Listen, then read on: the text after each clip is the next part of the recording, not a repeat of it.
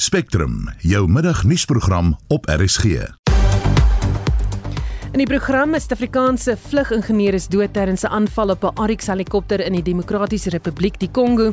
Dit is 7 jaar na die Lily Mine tragedie in Mpumalanga en die oorskot van 3 mense is steeds nie opgespoor nie.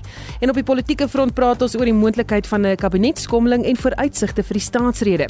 Die span in die ateljee se redakteur Marlenae Forsie, produksieregisseur Johan Pieterse en ek is Susan Paxton.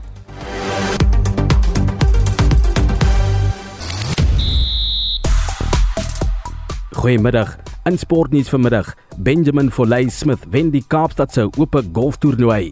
In cricket is twee spanne reeds bekend gemaak vir die SA20 cricket uitspelwedstryde. En Sundowns behaal 'n 15de agtereenvolgende oorwinning. Meer sport volg bietjie later. Dis Christo Gawie vir RSG Sport. Op sosiale media praat almal oor die Grammy toekenninge onder die hitsmerk Grammy kritiseer mense die toekenninge terwyl onder die hitsmerk Nomcebo Zikode en Zyx Pantwini wen Suid-Afrikaners hulle geluk met hulle Grammy toekenning. Ons berig later daaroor en ons speel die wenliedjie. Intussen praat ons oor mediese sake. In Februarie word 'n inentingsveldtog teen masels by skole geloods. Hiermee saam word ouers gevra vir toestemming om hulle dogters in te ent teen servikale kanker wat deur die menslike papilloomvirus veroorsaak word.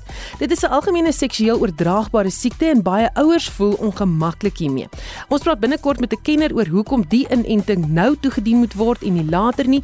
Intussen wil ons by jou hoor wat jy hiervan dink en of jy enige vrae het. Jy stuur 'n SMS vir ons na 45889 teen R1.50. Praat saam op Facebook of stuur 'n WhatsApp stemnota 0765366961.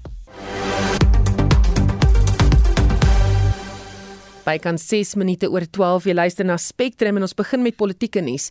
Die president sal na verwagting sy staatsrede donderdag die 9de Februarie lewer.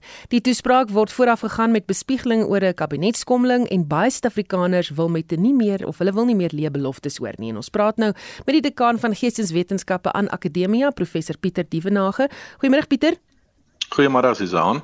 Daar word wyd bespiegel oor wie nie die paal gaan haal in hierdie nuwe kabinet nie en wie gaan wel, wat verwag jy? Kyk, die eerste wat ek verwag is natuurlik die visiepresident um, gaan nou Paul Masatile word. Dit is algemeen bekend. Dan is daar uh so dit hy gaan definitief bly. Ek dink ook Gwet Montashe, jy weet daar's baie mense wat sê nee, hy doen nie goed as minister van myne nie. Um maar ek dink tog hy sal wel bly en self iemand soos minister Cele, jy weet wat mense uit die kabinet sou wou hê, maar dit gaan nou oor 'n Natalse teenwoordigheid daar. Dan is die groot vraag of iemand soos uh, minister Nkosazana Dlamini Zuma sal bly in die kabinet. Uh, in die laaste week was daar 'n spiegeling sy gaan weer 'n tipe soortgelyke rol in die soos in die pandemie kry rondom energie, so sy kan dalk bly. En dan iemand soos Fikile Mbalula sal sy as mens nou na die verlede kyk, sy pos moet ontruim om sekretaris-generaal te word. En dan dink ek daar gaan uh van die ouer uh jy weet die era, die nog die laaste oorblyfsels van die Zuma era sal uitgaan en daar gaan uh, president Ramaphosa staan sterker om mense nader aan hom in te bring na sy kabinet. Dan die toespraak self, die staatsrede. Wat sou jy graag wou hoor in hierdie staatsrede? Wel die eerste ding ek ek gaan eers vir jou so 'n algemene meer abstrakte ding gee en dan meer konkreet. Ek wil baie graag sien dat hierdie staatsrede minder ideologies is, nie net vanuit die ANC se perspektief uit nie, maar vanuit die land se pers perspektief. Met ander woorde dat die president in ag neem dat ons is 'n komplekse en 'n diverse land wat professioneel bestuur moet word en nie vir eie belang nie. So dit is my jy weet so meer algemeen, maar meer konkreet. Ons weet wat die probleme is. Ekonomie moet aangespreek word in die staatsrede, byvoorbeeld energie, veiligheid. Ehm um, jy weet kohesie ehm um, en dan ehm um, natuurlik korrupsie. Maar ons wil nie net retoriek hier oor hoor nie en ek sal nie graag net retoriek oor hierdie belangrike goed wil hoor nie, maar handeling en daadkrag en planne wat uitgevoer kan word. En is daar beloftes wat gemaak is uit sy vorige toesprake as jy nou terugkyk wat vir jou uitgestaan het, die wat waar geword het en die wat nie het nie? Kyk, uh, daar was geweldige beloftes in die verlede. Ons hoef nie eers daaroor te debatteer nie. Uh en daar was beloftes oor die ekonomie en oor korrupsie en oor veiligheid in die verlede. Ehm um, en byvoorbeeld oor uh ons sou nou ons het nou al uh, van hierdie huidige president gehoor al 'n paar jaar dat die probleme by Eskom word aangespreek. Maar dit lyk net asof daai beloftes nie tot vervulling kom nie. As jy my moet vra, dan dink ek die tellingkaart van die ANC is gewoonlik met staatsredes dat so 20% van die beloftes word vervul en dis 'n drypsyfer vir 'n staat. Hoe hoe belangrik is dit vir die ANC as party dat die staatsrede wel tot die publiek spreek? Ek dink vir die ANC as party is dit 'n verskriklike belangrike staatsrede en ook die volgende jaar waarheen die staatsrede gaan mik. En dit het te doen daar uh, daarmee dat die huidige meningspeilings wys daarop dat die ANC hier tussen 37 en 42% van die kiesers 'n steun gaan kry by volgende jaar se algemene verkiesing. Nou goed, dis nog vroeë dae, maar jy weet tussen 37 en 42 is geweldig af van die 57% wat die ANC voorheen gehad het in 2019. En dit beteken dat die ANC het nog 'n jaar om Suid-Afrika te regeer. Hierdie staatsrede hou daarmee verband en dan het ons die verkiesing volgende jaar. In 'n groot mate as ek 'n metafoor kan gebruik, is die bal nou in die ANC se hande en ons sal maar moet kyk as burgers hoe daai bal gehanteer gaan word, maar ehm um, weer wil ek beklemtoon die verkiesing volgende jaar is vir Suid-Afrika en vir die gewone burgers van die staat van uiterste belang. Baie dankie. Dit was die dekaan van Geesteswetenskappe aan Akademia, professor Pieter Dievenage. Die Verenigde Nasies MONUSCO Vredesmag bevelvoerder in die Demokratiese Republiek die Kongo, luitenant-generaal Marcos de Sa Afonso da Costa, het sy medelee betuig teenoor die Suid-Afrikaanse vlugingenieur wat noodlottig gewond is. Die vlugingenieur se sant VJ Mabena, as volgens die verklaring van die VN, gewond deur rebelle op die Oryx helikopter waarna hulle gevlieg het, geskiet het. Die VN het die bemanning begeloof vir die feit dat hulle die helikopter veilig kon land na die aanval. Ons praat met die DA-skare minister van verdediging Kobus Maree. Goeiemôre Kobus. Kobus. Goeiemôre Susan, goeiemôre aan jou luisteraars. Wat weet jy van hierdie aanval sover? Ehm um, wat ons weet is dat dit was op die uh, op die roete tussen Goma en Beni gewees. Ons weet dit is 'n hoë risiko area en daar was ook uh, verhoogde aanvalle en aktiwiteite in daai gebied. Wat van kommer is is die is dit normaalweg dit was 'n beleid of 'n uh, 'n direktief gewees dat helikopters in daai area altyd die die, die oryx spesifiek in pare moet vlieg sodat wanneer daar sulke gevalle is dat hulle mekaar kan bystaan ook. En in die hoë risiko areas wat in die verlede altyd in die noorde van Benny was, maar indien hy hoë risiko suid beweeg het, dan dan behoort daar altyd twee rooi valke te wees wat die oryx helikopters begelei sodat hulle as aanvalshelikopters enige ehm um, uh, uh, gevaar wat daar mag wees of aanval wat daar wees dat hulle dit uh, dat hulle korter nette daarmee daarvan kan maak. So dis nogal vir ons kommerwekkend oor oor oor waarom dit blyk dat dit een helikopter was en dat hulle redelik redelik laag gevlieg blyk te wees. En uh, en en ek dink die minister skuld vir ons in Suid-Afrika daai hele verduideliking. Ek wil net noem daar is ehm um, al 'n tydjie waar daar gesprekke gevoer word of dit werklik nog in ons belang is en of ons dit werklik kan bekostig finansiëel om nog in in die DRK betrokke te wees en of ons verantwoordelikheid nie meer na ons eie grense, maritieme gebiede en ook Mosambiek te moet verskuif nie. Ehm um, en ons weet op 'n stadium was was daar 'n enorme uitdaging om eh uh, vlieëniers genoeg vlieëniers te hê om in die DRK diens te doen en dit is dalk nou die ideale geleentheid ehm um, om om met die enorme beperkings wat ons het op hulpbronne en spesifiek helikopters om te heroorweeg of ons die daai enkele helikopters en dis omtrent 5 van hulle wat nog in in die DRK's Oryxe en en en uh twee twee rooi valke en kyk of ons hulle dalk maar moet onttrek en nie so gebruik nie want tans het ons net een rooi valk aktief betrokke uh, wat ligvaardig is en en verskriklik min Oryx helikopters in Suid-Afrika. Hmm. Een van die uh, vlieëniers van die helikopter major OT Matlapeng is gewond. Hy staan in die hospitaal. Die VN loof hierdie um, mense wat in die helikopter was en sê maar luister hierdie vlieëniers het hulle baie goed van hulle taak gekwyt met hierdie gewonde uh jy weet vlieënier het hulle dit daan geslaag om hierdie helikopter veilig te land. O ja, ja, sien toe vir die as jy net gaan kyk na die foto's wat ek ook al reeds gesien het, kan jy sien dat dit 'n hoë kaliber vuurwapen is waarmee hulle geskiet was Ehm um, as jy net gaan kyk na die gat in die in die ruit en en die ook die gradiënt waarmee dit geskied is. So hulle het fenomenaal gedoen en dan die middelvlieënier eh uh, kaptein Allen, uh, ek dink op hierdie stadium is 'n is 'n groot ehm um, hero as ek hy term kan gebruik in Suid-Afrika ja, want ja. hy het uit die aard van die saak kop gehou en hulle veilig teruggevat, omgedraai en teruggevat Goma toe en en en dit het waarskynlik die lewe van van die uh, van die bevelvoerder van die vliegtuig uh, uh, gered en en dit ongelukkig maar natuurlik nou nie die van die ehm uh, vlugingenieur die missie onthou die vlugingenieur tussen hulle twee gesit. Ehm um, so vir daai daai uh eh, 'n uh, eh, 'n uh, cool en en hy wapen wat daarmee hy geskiet was om deur sy skouer te gaan en hy is ernstig gewond die die die bevelvoerder en dan die vlugingenieur ehm um, aan beseker vertaal te tref jy weet dat hy dood is ehm um, dit moet 'n enorme ervaring gewees het en dit verg geweldig baie uh ek dink uh, bewustheid en en intelligensie en en opleiding van hy vlieënier mm. ehm um, kaptein kaptein ehm um, Allen om dan nou dit kop te gehou het en veilig terug te gekom het. So ons hulle hulle moet dit ons volle lof kry en ons simpatie aan die vlugingenieur uh want hy het sy lewe opgeoffer vir ons land. Baie dankie. Dit was die DA-skare minister van verdediging Kobus Maree. Die president van Action SA, Herman Mashaba, sê die party werp alles in die stryd om geregtigheid te laat geskied vir die Lily Mine tragedie in Louisville naby Barberton in Mpumalanga. By die 7de gedenkdag vir die voorval het Mashaba gesê regstappe is maar net die begin van hulle pogings om die regering te dwing om die oorskot van 3 mynwerkers wat reeds sedert 2016 ondergronds is uit te haal. Yvonne Mnisi, Pretin Gambule en Solomon Nirenda se families bly ontroosbaar. Esie de Klerk het meer besonderhede. Die houer waarin die mynwerkers vasgekeer is, is as 'n lampkamer gebruik. Meer as 70 mynwerkers is gered nadat die myn in 2016 ineengestort het, maar die liggame van Menise, Nkambule en Nverenda is nooit gevind nie.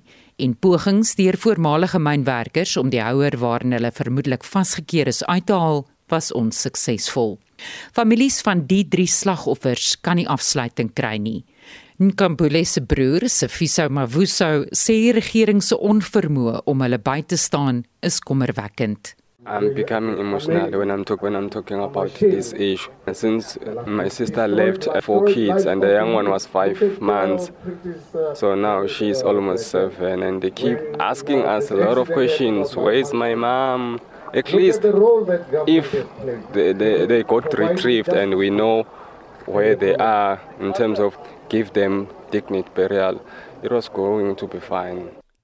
Die familiewoordvoerder, Harry Mazibuko, sê hulle bly hoopvol ten spyte van die hofgedinge. The writing is on the wall that clearly our government still seven years later they are not interested. So there's an approach, the so-called uh, even international courts. So that's the road we are going to take. Tell me because now the Supreme Court of Appeal has judged this almost the same judgment, but still, and in court they said it's a matter of agent. Where's agency? Because now it's over a month the judgment has been handed down, but still the business rescue practitioners they are saying nothing. Because next step is for them to convene a creditors meeting and let the creditors decide the future of the mine. Still they cannot do it. Die bestuur van die Lily Mine is in 'n hofstryd gewikkel met Argumansie, 'n maatskappy wat belangstel om die myn te koop. Die uitvoerende hoof van die SSC myngroep, Fred Arendse, sê dit sal 9 maande lank neem om 'n opening te maak om te poog om die houer uit te haal, maar niks kan gedoen word nie omdat die saak voor die hof dien. On the 22nd of December 2022, about a month ago, the Supreme Court of Appeal ruled in our favor again because remember they appealed, you know, the High Court judgments, and then the Supreme Court of Appeal, you know, dismissed the application and also ordered um, significant cost against them. Now the question is, you know, uh, we've won all the cases, and what is the delay? And it's now three weeks after that initial meeting and after the court order. Mashaba sê die party het reeds 2 miljoen rand bestee om die regering te dwing om die saak op te los. Hy sê daar is reeds 2 hofuitsprake teen die regering vir minagting van die hof. There's uh, one that has given an offer, including the retrieval of the container, but uh, the the previous owners, the current owners of the mine, they are refusing to accede to this. They are working with the, with with the business uh, rescue practitioners, with the support of the South African government, uh, Department of Minerals and Energy, because every time we raise this matter with them, they either completely ignore us or just uh, really carry on. They don't. I've requested uh, Gwede Mantashe, I've asked President Cyril Ramaphosa to come and really uh, see for himself what is happening here. They are not prepared. Die SAIK kon nie kommentaar kry by die sake reddingspraktisyns of Vantage Gold nie. Die verslag is saamgestel deur Motsebi wa Monarang en ek is Estie de Klerk vir SAIK nuus. Ons mag dalk verskillende tale en kulture hê, maar wat ons almal in gemeen het, is dat ons 'n waardige begrafnis wil hê, sonder bekommernisse oor waar die geld vandaan gaan kom. Vertrou kliëntel om jou van 'n bekostigbare begrafnisdekking te voorsien wat binne 24 uur uitbetaal. SMS RSG na 48714. Dis RSG na 48714. SMS nou. Clientele Life is 'n geregistreerde versekeraar en 'n gelisensieerde verskaffer van finansiële dienste. Bepalings, voorwaardes en standaardtariewe geld. Kry die kaart wat pryse sny by Pick n Pay met 4 kg PNP meerdoelige aardappels, 4 kg botterskorsie, 400 g gemmer in 'n netsakkie, 350 g knoffel in 'n netsakkie of 2,5 kg eie, kry enige 3 vir net R119. Waarvoor wag jy? Skakel oor na Pick n Pay. Geldig 23 Januarie tot 7 Februarie terwyl voorraad hou. Besenfees geld.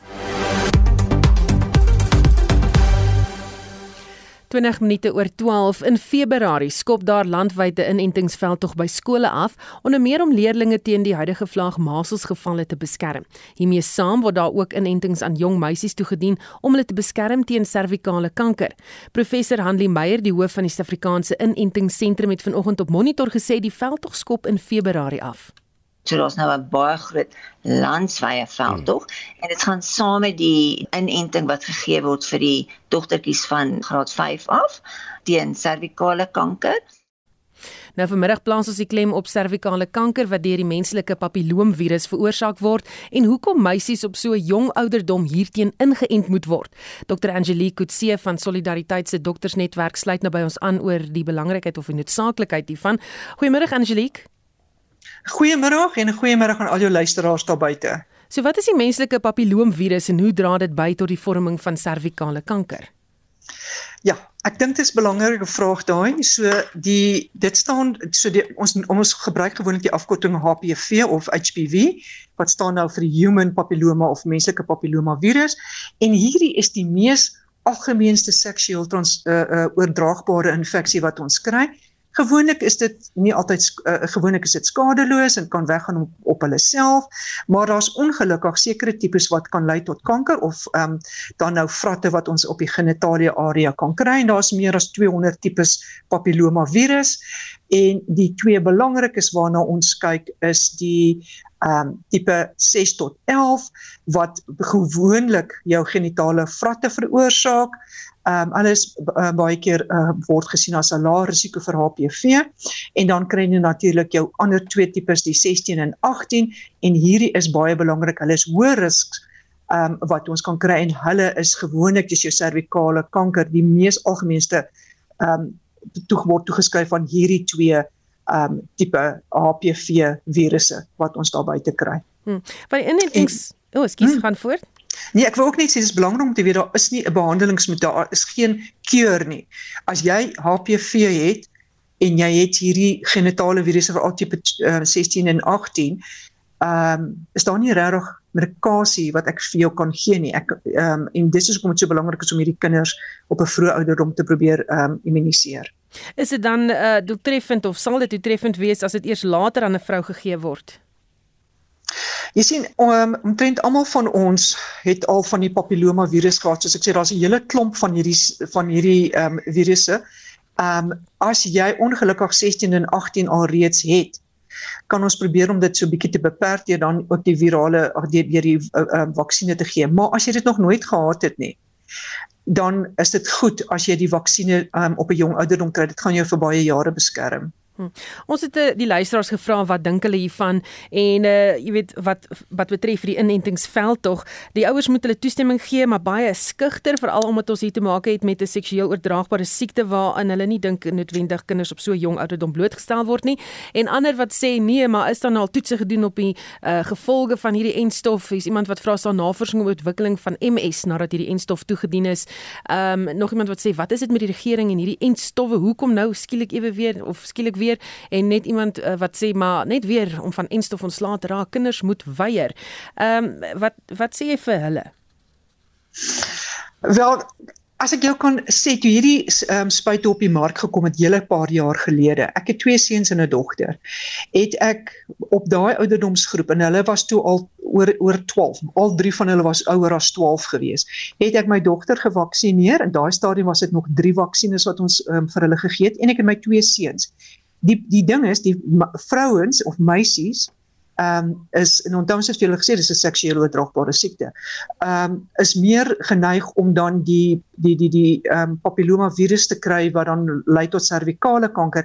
Maar mans word nie regtig siek nie, hulle dra die virus. So ek het gevoel as ek my seuns dan kan ehm um, uh, immuniseer dan gaan hulle minder die virus kan oordra aan hulle ehm um, vroulike partners as soos wat hulle nou ouer sal word. Ehm um, so ek het my eie kinders gevaksinereer en ek sê nie dat dit is ehm um, goed genoeg vir almal daar buitekant nie, maar die risiko om papilloma virus te kry en dan servikale kanker is baie baie groot in ons land en hoekom ons op 9 jarige ouderdom begin is twee vaksines wat jy moet kry.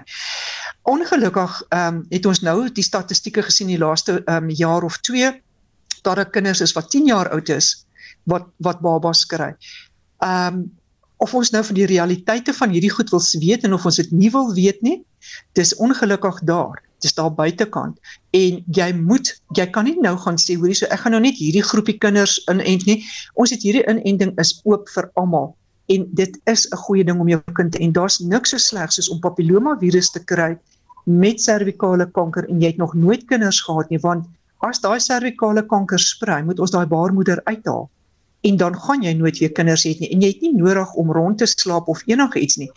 Jy kan net een keer 'n verkeerde ehm um, 'n partner gehad het wat dan nou vir jou hierdie ehm um, virale infeksies gee en dit is dit is hoekom ehm um, hulle op 9 begin om te probeer om die kinders soveel as moontlik ehm um, gevaksinereer te kry. Klomp kinders is nie meer op 12 en 13 in die skool nie, so jy, jy probeer voorkomend optree. Baie dankie het gepraat met Dr. Angelique Kutse van Solidariteit se doktersnetwerk. And the Grammy goes to Bayet, Wouter Kelman, Sax Betwini and Nom Stedo Sikode. Suid-Afrika spog met nog 'n Grammy toekenning. Wouter Kellerman, Zyks Bantwini en Ntwebo Zikode is gisteraand bekroon vir die beste wêreldmusiekoptrede vir hulle liedjie Bayette. Dit was Kellerman se 40ste benoeming en sy tweede toekenning.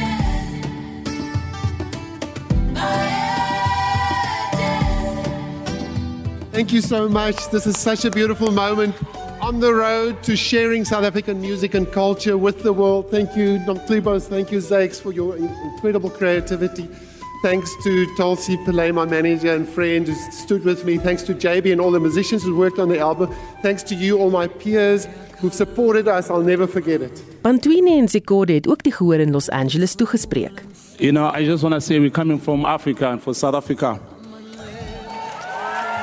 And this moment right here to anybody who's in Africa just proves and affirms that every dream is valid. And I want to say thank you very much to the Academy and thank you very much to each and everyone and for every child in a ghetto, in a village, just know it's possible.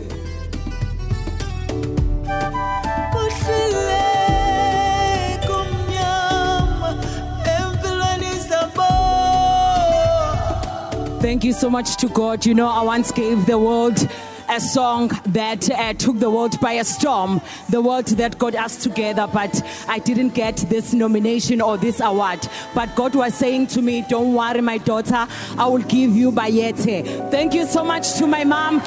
Thank you so much to my husband, Simon Fraser. Believe me, this is yours. Your support is amazing. Thank you so much to all my team. Thank you.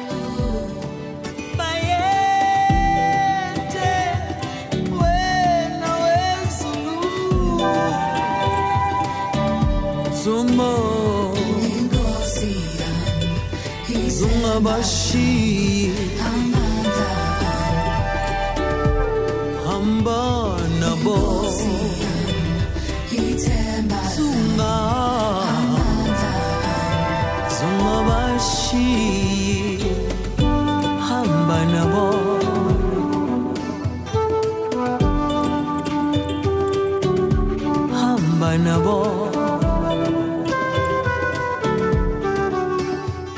Die woord bayete verwys tradisioneel na die oorlogskreet van Zulu krygers.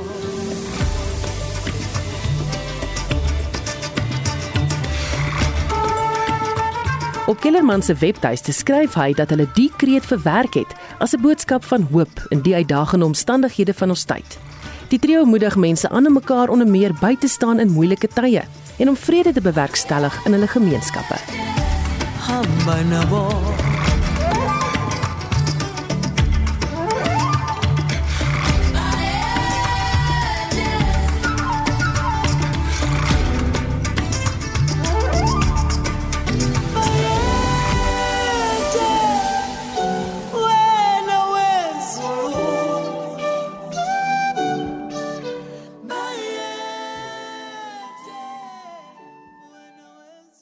Jy luister na Spectrum elke weekmiddag tussen 12 en 1. Later in die program Bring asseblief RSG terug op die lug. Ons het die radio-uitsending nie. Bring asseblief terug ons radio die lewens leeg sonder julle.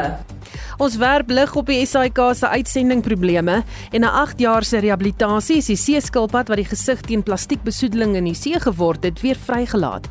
Bly ingeskakel.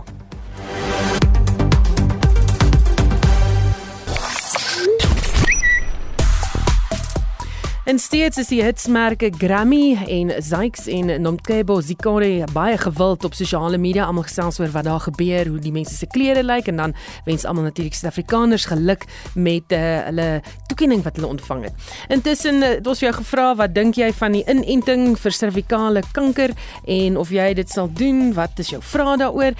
En iemand wat sê dat uh, hulle moet onmiddellik die inenting staak vir dogters. Die daar is nagevolge. My dogter het ontvang en tans sukkel sy met erge endometriose en niemand help haar nie. Nagevolge van die vaksinne moet eers nagevors word. Dan sê iemand as ek kan keer dat my kind doodgaan of kanker kry, dan doen ek wat nodig is. My kinders het al die inspuitings plus 'n paar ekstra.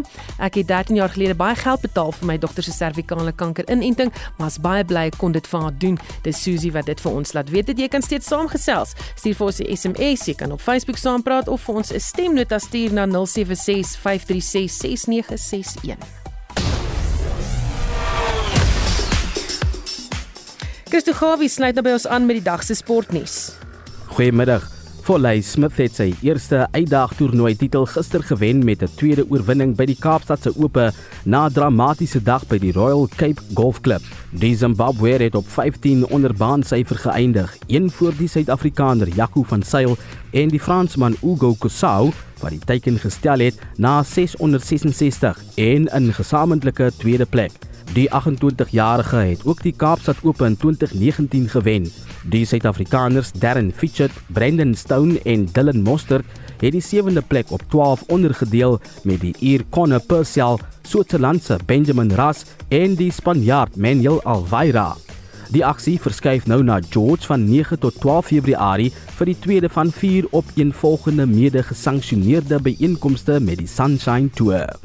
In cricket het Joburg Super Kings se kaptein Faf du Plessis sy ervaring gewys met 'n telling van 92 van net 61 balle op 'n moeilike Wanderers veld om sy span vir 'n oorwinning van 24 lopies in die SA20 kragmeting teen die Sunrisers Eastern Cape en kwalifikasie vir die uitspelwedstryde. Met Riza Hendricks se 40 van 36 balle het die Super Kings se aanvangskolwers 119 vir die eerste paaltjie geplaas, hulle tweede 100tal van die kompetisie. In antwoord het die Sunrisers gesukkel tot 136 vir 9 ten spyte van Temba Bavuma se 50 van 24 balle en 34 van 30 balle vir Aiden Makrim. Intussen het Heinrich Klaasen 'n voortreffelike onoorwonde 100tal gemoker om Durban se Super Giants te stuur na 'n ongelooflike oorwinning van 151 lopies oor die Pretoria Capitals in hulle SA20 kragmeting op Supersport Park gister. Klaasen het 'n goeie 104 van slegs 44 balle geslaan. Die Super Giants kon 254 vir 4 in hulle toegelate 20 beurte aanteken. Vanaand om 06:30 is Joburg Super Kings in aksie teen My Cape Town, terwyl die Protea vroue kriketspan in 'n opwarmingswedstryd teen Engeland vroue te staan kom vanmiddag om 03:30. In sokker is Manchester City se poging om Arsenal se voorsprong in die Premier Liga tot 2 punte te verminder gekelder met Harry Kane se rekorddoel vir Tottenham Hotspur gister wat 'n oorwinning oor die kampioene besorg het. Plaaslik het Mamelodi Sundowns in die jongste ronde van die DStv Premier Liga hulle indrukwekkende wenpyl voortgesit na hulle sege van 1-0 oor Orlando Pirates. Dis Sundowns se 15de agtereenvolgende oorwinning. En dit was Christo Gawie. 25 minute voor 1 vervul die media nog sy wagondfunksie en berig die media feitelik oor spesifieke kwessies. Dis die vraag wat 'n navorsingsgenoot aan die departement openbare administrasie en bestuur aan die Universiteit van die Vrystaat, Dr. Halen Kloete die afgelope week gevra het. Hy het verwys na 'n voorblad foto van die kriketkaptein Temba Bavuma. Die opskrif in die relevante Afrikaanse dagblad het gelees: "Kaptein kry 100tal, maar die foto wys hoe hy uitgebou word. Jy sien net paaltjies spat." Ons praat nou met Dr. Halen Kloete. Goeiemôre Halen. Goeiemiddag Susan, goeiemiddag aan al die luisteraars. Wat is dit van hierdie foto wat jou die rol van die media en die funksie wat hy het laat betwyfel? Weet jy, ek dink die die media het 'n baie groot rol te speel in nasiebou en en en mense in 'n baie meer positiewe lig te, te stel. Ek ek ek kon nie glo dat 'n redakteur of iemand wat uh, journalistiek studeer het na al die foto's gekyk het en besluit het om nou hierdie spesifieke foto te neem waar die cricketkaptein uitgebul word. Nou ons weet almal dat Themba Baboma te bietjie gesukkel in die laaste tyd met sy vorm en het baie groot kritiek uh op homself getrek, maar die manier hoe hierdie storie uitgebeeld is, uh, dink ek was absoluut onverantwoordelik en het, ek, ek dink dit was dit was doelbewus gedoen om die cricketkaptein in 'n baie swak lig te stel. Die media het 'n plig om oor feite te berig en 'n wagotfunksie te speel en selfs is daar plek vir kommentaar. Is hierdie nie deel daarvan? Ek dink so, maar weet jy, ek dink die die kies van die foto was in swak smaak. En onthou die hierdie persoon sukkel nou die laaste 2 maande met met vorm. Nou daar is duisende ander fotos waar hy en en het, en, en hy was so verlig toe hy sy 100 kry. Hierdie redakteur en hierdie koerant besluit nie hulle wil 'n foto plaas waar hy uitgebol word. En en ek dink ek dink partykeer en ek laat ook ruimte vir dit. Dink ek partykeer is mense in Engels sê dit sometimes people can be sincerely wrong. Waar regtig nie geweet het nie. Uh jy sal onthou 'n paar jaar gelede was daar die Tremezay voorval. Partykeer weet mense nie, partykeer is dit onkundig. Maar ek dink hierdie in in in hierdie geval dink ek was dit doelbewuste ge, gedoen om 'n om 'n baie sterk boodskap uit te stuur dat goed jy het 'n 100 gekry, maar ons dink eintlik jy jy behoort hier nie. Hmm. Voel jy die media vervul nog sy rol in die gemeenskap? Ek dink die media speel 'n belangrike rol. As jy mens kyk na die die rol van die media as vletjieblaser, as waghond, uh as jy sou onthou wat Mandy Rousseau gedoen het met die met die Zuma sak. So die media speel 'n bus 'n verskriklike belangrike rol om om want 'n koerant is 'n gemeenskap in gesprek met homself, het iemand eens op 'n tyd gesê.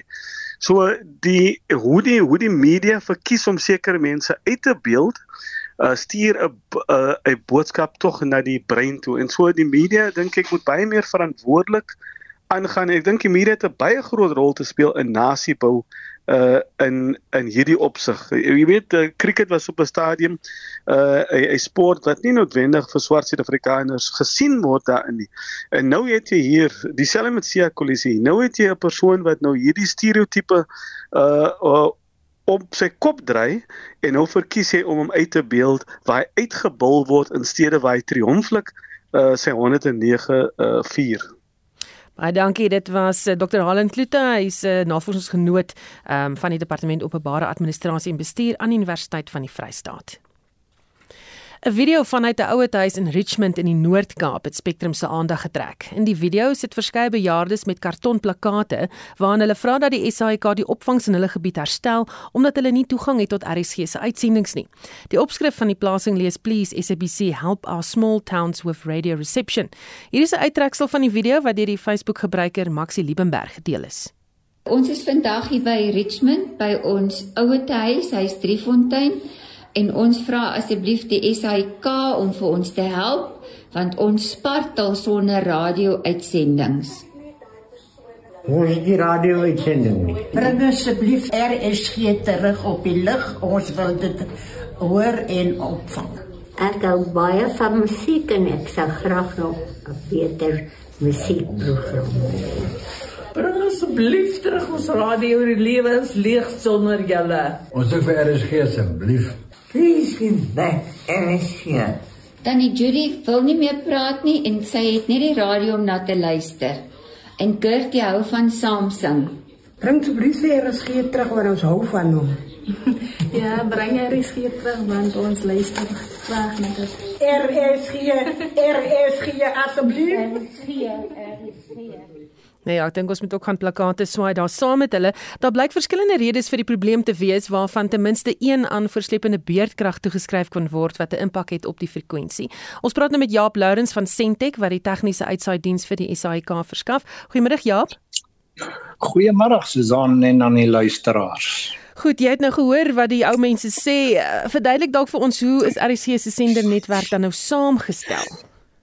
Ehm um, Susan, ja, ons laat ek net eers vinnig verduidelik ons voer landwyd ons sendernetwerk of RSG se sendernetwerk of die hele sendernetwerk oor die land op verskillende maniere. So wat uh, in baie gevalle gebeur is dat ons 'n hoofstasie het, 'n groot stasie of 'n hoë kragstasie wat dan laer kragstasies of ehm um, kleiner stasies voer. Ehm um, die sein word fisies van die lug af ontvang en dan word dit uh, deur een stasie ontvang en dan op 'n ander frekwensie plaaslik in daardie area uitgesaai. Uh ons gebruik ook ehm uh, uh die satellietnetwerk uh as 'n rugsteenvoer in baie gevalle vir die groot stasies in Johannesburg, Pretoria en dis meer gebruik ons optiese vesel om die netwerk te voer. So ehm um, dit is dit is rofweg hoe ons die verspreiding van die RSG sein oor Suid-Afrika doen. Hmm. So wat is die redes hoekom sekere mense nou nie meer uitsending het nie? So dan daar is 'n drieledige probleme huidigelik uh ehm uh, teenwoordig. Een natuurlik die voortsleepende beerdkrag. Die probleem hieraan verbonde is is laat ons ons ehm uh, uitsaai-stasies is is grootendeels onbeman. So daar's nie daar's nie tegnisië wat hierdie stasies beman nie. En as daar beerdkrag op een van hierdie stasies plaasvind, kan dit gebeur dat die bystandskragopwekker kom nie aan nie. Daar is outomatiese toerusting op die stasie wat die inkomende uh spanning van van Eskom of uh wie die verskaffer ook al plaaslik is moniteer en dan skakel die opwekker aan. Nou gewoonlik wat gebeur op die uur of net na die uur neem dit so 'n paar sekondes of partykeer selfs 'n minuut of 2 hmm. vir die uitsending om weer op die lig te kom tot hierdie opwekker nou die las op die stasie oorvat. Ja, is dit waar dat laagkragsenders afgeskakel word weens 'n begrotingstekort van die SAIK en watter rol speel dit? Susan, ongelukkig is dit die waarheid. Ehm um, daar is 'n uh, hele reeks van hierdie senders ehm um, wat uh, afgeskakel word en daar is heelwat van hulle wat nog op die lys is. So hierdie is 'n hoë vlak samespreking wat moet plaasvind tussen die SAIK en Sentex se bestuur om hierdie probleem uit te sorteer maar ongelukkig is dit een van die van die grootste bronne van klagtes wat ek op hierdie stadium ontvang. So dit is dit is definitief waar en uh ek wil namens ons firma om verskoning vra daarvoor. Ehm um, ons moet uitklaring kry oor hierdie saak uh waar ons staan en en wat die gevolge is het ons nou gehoor uh deur die mense wat ingeskakel het en so aan. So ons ons moet ons moet definitief 'n oplossing vir hierdie probleem vind. Baie dankie. Ons het gepraat met Jaap Lourens van Sentech. Ons bly by die kwessie en praat nou ook met Lungile Binza, die SAIK se groep uitvoerende hoof vir tegnologie. Good afternoon Lungile. Afternoon Suzanne listeners. So a lot of listeners are utterly frustrated about the fact that the radio signals simply just disappear. We just reported on an old age home in the Northern Cape where listeners feel de- desolated about the situation. Centec has now explained that load shedding has an impact. What reasons do the SABC at, uh, attribute to this? Look, um, um, Centec is, is, is quite correct in that um, there, there, there is a huge impact of load shedding, of course. But uh, um, there are some of the sites that were um, are switched off as well because they were low power local sites that were switched off in uh, December. And uh, I have subsequently asked the Centec team to just, you know, switch them back on, um, especially in and around, you know, um, the Western Cape, like in Caymont, um, Ganabai, and uh, um, all of, you know, those areas that are, are very, you know, in the mountainous areas. So, so, so this is not yeah, linked to the analog switch off, but rather it was just, you know, um, um, because this site was situated in uh, privately owned land, and uh, there were some contracts that didn't come up on time, and uh, they got they got switched off. But uh, um, is slowly switching them back on, and uh, our you know audiences in those areas should be covered very very soon. Hmm. So the fact that, that the transmitters were switched off and listeners cannot listen to their preferred radio stations anymore, there is something being done about that. Yes, absolutely. Um, um, we, we, we cannot afford to lose our um, um, customers, especially the audiences on our analog platforms. And uh, yes, I mean, there's other alternatives where the guys can go to either FABC Plus, or RS3 or COZA, or um, um, even uh, OpenView or even DSTV. But they still want our um, um, um, customers on uh, um, our analog and on radio on the receivers that they normally use to receive you guys um, um, um, um, quite you know, in, a, in a way that they normally do. So, so yes, we definitely want them to to uh, to continue receiving you guys the normal way, and uh, that should be sorted out in the next few days. If it's not already sorted out, because most of the areas were actually sorted out last week I spoke to uh, to Centre. Hmm, I'm glad you say that because I was just about to ask: Is there a timeline when people can expect the signal to return? Yeah, it, it, it, it will depend on area by area. Um, what I will do is, um, because I'm in conversation with the um, head of operations of Centre Executive, uh, Marlon, um, and they will just, I just need to get from him which sites are not back on. But uh, most of the guys that were complaining, especially in the Western Cape, those sites um, are, should actually be uh, back on. If um, not, uh, they should be back on any time between today and the end of the day tomorrow. Mm. And uh, and the Northern Cape and Eastern Cape. Um, the you know the switch off what, it did, it actually uh, kind of helped us because we actually picked up that there might have been other sites that were not um, um, in operation, and uh, and therefore we need to get you know those sites back in operation as well.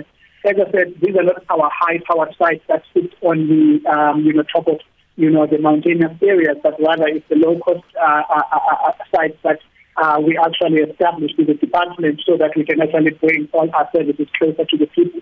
And unfortunately, they were situated on the privately owned land. And now we needed to just have, you know, proper conversations with the landlords. So, so um, those sites, if they're not back on, um, um, I'm only going to have a personal conversation with the guys as well, just to ensure that they will be actually in okay and they will get them back on. So all the provinces, all the provinces, um, um, including the Northern Cape as well as the West Eastern Cape, they will actually be um, um, um, um, accommodated as well. But the focus, because most of the areas that were um, actually alerting us were actually in the Western Cape, and that's where the guys, you know, started. Hmm. Uh, thank you very much. Ons het gepraat met Lungile Binza, die SAIK se groep uitvoerende hoof vir tegnologie wat gesê het dat hierdie sein probleem dalk binnekort iets van die verlede sal wees. Ons sal oog hou daarop en uh, dalk kan uh, die mense daar van Richmond vir ons laat weet of hulle uh, die sein teruggekry het. Vanmiddag word die saak nuus aangebied deur Dion Gosen, 'n portefeuljebestuurder by Netbank Korporatiewe Beleggings. Goeiemôre Dion. Middag Suzan en luisteraars. In Amerika sluit die mark in die rooi Vrydag met die Dow wat 0.4% laer sluit, die S&P 500 met 1% en die Nasdaq sluit laer met 1.6%.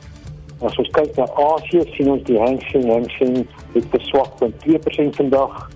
Die Japannese Nikkei is op met 0.7% vandag en die Australiese ASX 200 is af met 0.3% vandag. En Europa op die in Europa op die oomblik is die Britse FTSE swakker met 0.9%, die Franse CAC 40 is laer met 1.6% en die Duitse DAX is af met 1.1%. Laaslik verhandel die algemene indeks laer met 1.2% en verhandel teen 79299 punte. Die finansiële indeks is 1.3% laer, nywerheids indeks is 0.7% laer en die hulpbronne is 2% laer. Ja, as jy kyk na kommoditeitspryse, goud versterk met so 0.1% en verhandel teen 1873 dollar per fyn ons.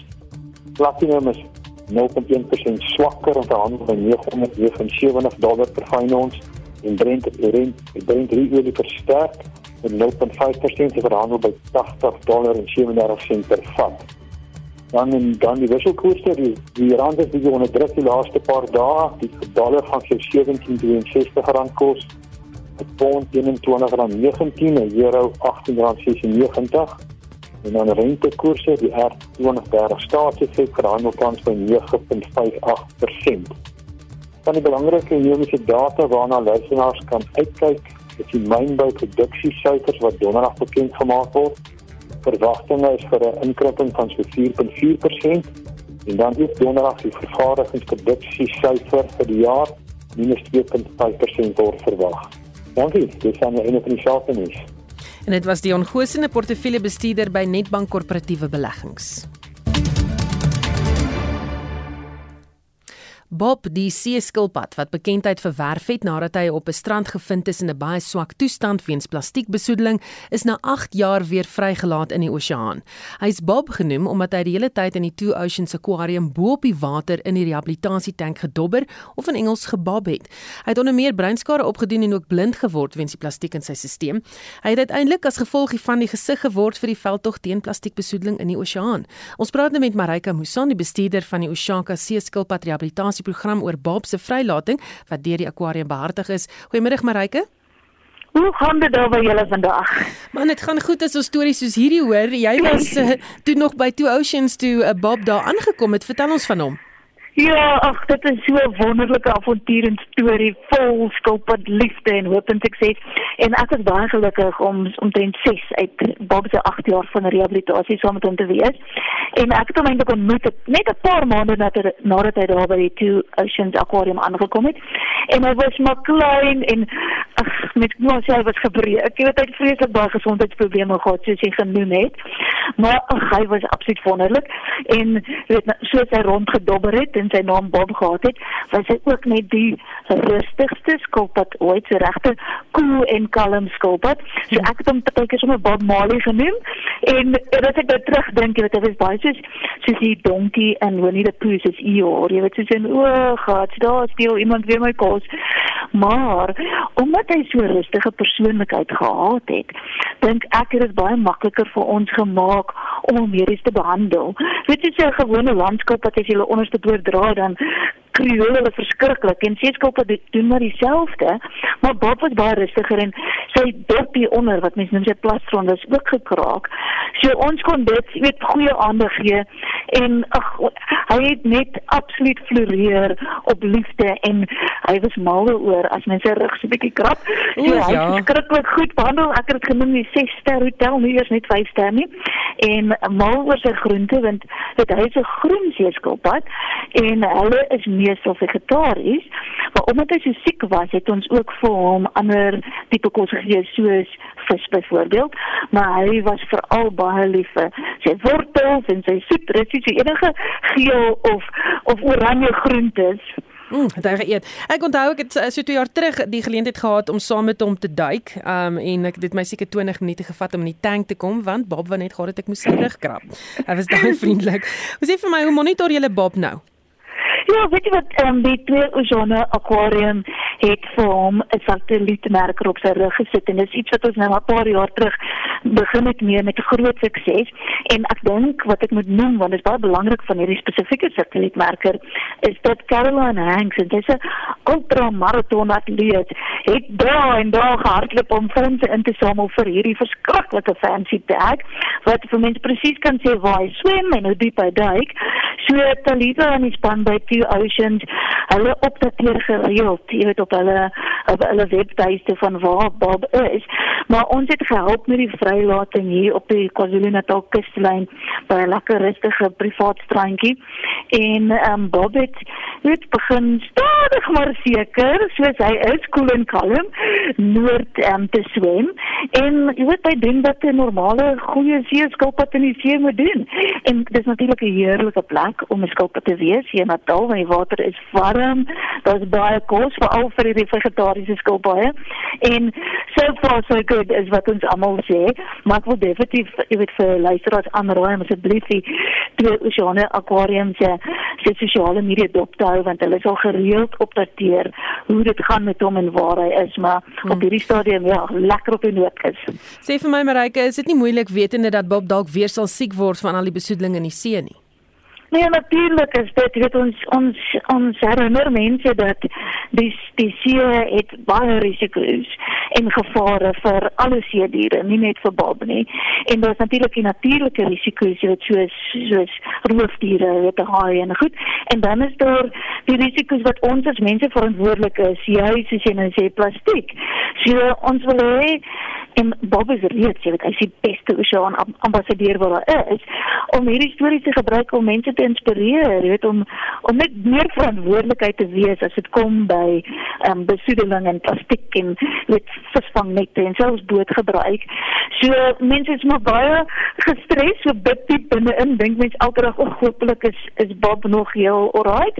Maar dis net so wonderlik om te dink en hy sê hierdie hierdie absolute oop oseaan, jy weet dier wat wat 'n avontuur is. En dis die beste plek ja. om te wees al is daar risiko's. Maar wat ons ook gesien het deur hierdie hele proses met Bob en baie van die ander seerskilpaaie, is hoe baie mense eintlik ook nog omgee. So dit inspireer my, jy weet as iemand bel en sê hulle het 'n skilpad op die strand opgetel en hulle sal 2 of 3 ure ry om dit na ons te bring of enige van die aquariums op die kus om te help. So mense gee nog baie om vir diere en vir die omgewing mm. en ek dink dit almal herinner ons ons kan regtig 'n verskil maak. Jy weet net om 'n bietjie verantwoordelik te wees en en goed plastiek op die strand op te tel of net beter te dink oor hoe ons ons omgewing ehm um, na kyk, help diere en mense eintlik. Ja. Ons sê baie dankie. Dit was Marike Muson, die bestuurder van die Ushaka See Skilpad Rehabilitasieprogram. Estie het vir ons die nuus en ontwikkelende stories dopgehou en ons praat nou met haar Estie. Saam ten minste 4 nuwe ANC parlementslede word nou in die spreker se kantoor ingehuldig en dit sluit in Paul Mashitile, Marupeni uh, Ramakgopa, Sithle Sikalala en Park Stow. Die Suid-Afrikaanse weermag het bevestig dat een van sy RX helikopters gister in Goma in die DRK aangeval is waar tydens die vlieënier doodgeskiet en die bevelvoerder aan boord van die helikopter kritiek gewond is. Die medevlieënier kon egter die helikopter terugvlieg na die Goma lugmagbasis is. Die DEA se skademinister vir verdediging, Kobus Maree, sê hy bring hulde aan die drie soldate, maar hy het ook vrae. Ek het die minister versoek om dringend die gesamentlike staande komitee oor verdediging in te lig oor die voorval en antwoorde te verskaf of daar 'n afwyking was van ons beleid dat ons Oryx helikopters altyd in pare in die DRK vanaf Goma noordwaarts moet vlieg en dat hulle deur twee Rooivalk aanvalshelikopters in die hoë risikogebiede van die oostelike DRK vergesel moet word. Indien wel waarom en indien so, wie gaan verantwoordelik gehou word? Die minister van minerale hulpbronne en energie, Kwedi Mantashe, het by die belegging in Afrika Myn en Daba in Kaapstad gesê die regering werk aan 'n plan om beurtkrag oor die volgende 12 maande op te hef en dit sluit verskeie planne in, soos die instandhouding aan huidige kragstasies en om elektrisiteitsaankope van buurlande te doen. In internasionale nuus is alle oop op Turkye en Sirië waar ten minste 500 mense reeds dood en honderde meer beseer is in 'n reuse aardbewing wat die suidoostelike deel van van Turkye aan die grens met Sirië in die vroeë oggendure vanoggend getref het. Die aardbewing het 'n sterkte van 7,8 gehad en is tot 10 km diep gemeet. Volgens Turkye se owerheid vir ramp en noodbestuur was daar meer as 40 naskokke en is sover as Gaza gevoel. Hier is die joernalis in Noord-Sirië, Mohammed Hassan. En Susan president Cyril Ramaphosa sal donderdag aand om 7uur sy staatsrede in die parlement lewer en kenners hou hierdie verwikkelinge dop. En dit was Estie met 'n oorsig van die nuus en ontwikkelende stories. daarmee vir die uh, Spectrum span vanmiddag en uh, jy het 'n heerlike heerlike middag en my naam is Susan Paxton bly ingeskakel vir 360.